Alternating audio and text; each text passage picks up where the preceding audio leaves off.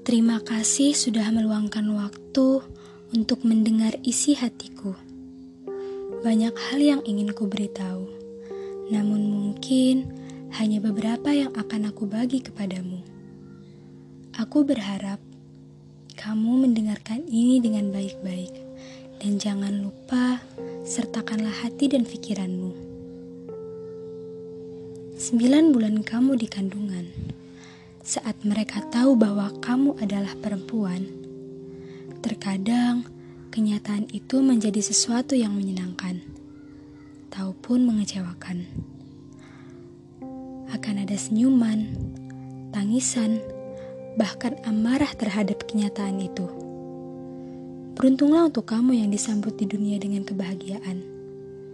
Dan bagi kamu yang disambut dengan kepedihan, Aku harap untuk sekarang dan masa yang akan datang, kamu akan bertemu dengan banyak keberuntungan. Kenikmatan dan penderitaan itu hanya sementara. Jadi, jangan terhanyut dalam kenikmatan sementara dan jangan menyerah dengan penderitaan sementara. Aku teringat akan sebuah pesan. Kamu tahu apa moto hidupku? Aku mau Dua kata sederhana ini telah membawaku melewati bergunung kesulitan. Aku tidak bisa adalah kata-kata yang mematahkan semangat. Aku mau akan mendorong kita ke puncak gunung. Sebagai manusia yang ditakdirkan sebagai perempuan itu tidak mudah. Di sini, aku tidak bilang bahwa menjadi laki-laki itu mudah kamu semua memiliki hak dan kewajiban masing-masing.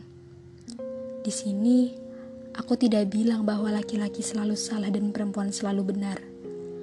Aku hanya ingin menyuarakan perasaanmu, wahai perempuan, terhadap mereka yang telah memberikan ketidakadilan kepadamu. Ketidakadilan apa yang pernah kamu rasakan? Ketidakadilan terhadap pendidikan, ketidakadilan terhadap status sosial ketidakadilan terhadap sikap dan ucapan, atau ketidakadilan terhadap fisik. Karena kamu dibesarkan di Indonesia, yang rata-rata masyarakatnya berpikiran bahwa perempuan pasti akan menjadi seorang ibu rumah tangga, ya tentu saja menjadi ibu rumah tangga adalah hal yang baik. Karena tahapan kehidupan yang sering kita lihat seperti masih kecil, sekolah sampai SMA, kuliah, bekerja, menikah, punya anak, punya cucu, itu adalah mayoritas tahapan kehidupan di masyarakat yang merupakan pilihan. Semua itu adalah pilihan dan bukan tuntutan yang harus kita lakukan. Jadi, buat kamu, bukan hanya laki-laki, tapi para perempuan, jangan takut untuk meraih cita-cita tinggi. Cita-cita itu memperindah martabat manusia, memuliakannya, dan mendekatkan pada kesempurnaan. Dan menurutku, perempuan wajib menjadi pembelajar. Banyak ketidakadilan yang pernah kamu rasakan tentunya. Aku tidak bisa menjelaskannya karena akan terlalu lama dan mungkin akan mengorek luka.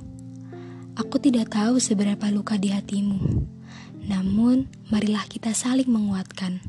Untuk kamu para laki-laki yang pernah melakukan ketidakadilan itu, Aku harap kamu mengerti bagaimana rasanya dipandang sebelah mata.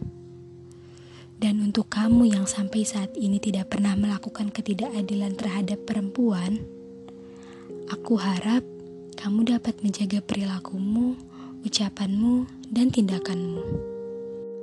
Dunia ini keras, amat keras, apalagi untuk kamu yang dilahirkan sebagai perempuan. Banyak aturan yang harus kamu turuti seperti sikap apa yang harus kamu lakukan, pakaian apa yang harus kamu gunakan, bahkan sampai pilihan kata-kata apa yang pantas untuk diucapkan.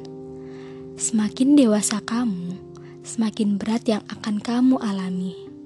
Semakin dewasa kamu, semakin banyak yang akan membenci. Mereka juga bisa membencimu jika kamu dianggap lari terlalu jauh bergerak terlalu cepat, melompat terlalu tinggi. Tapi jangan biarkan itu menghalangimu. akan banyak tangan yang siap mengulurkan tangannya. Bahkan, jikalaupun tidak ada, akan ada malaikat yang senantiasa menemanimu untuk bangkit. Untuk kamu perempuan hebat, terima kasih sudah ada. Dan untukmu perempuan Indonesia, jangan berhenti berkarya, jangan berhenti belajar, dan jangan berhenti menginspirasi. Terima kasih ibuku, ibumu, ibu kita, Ibu Kartini.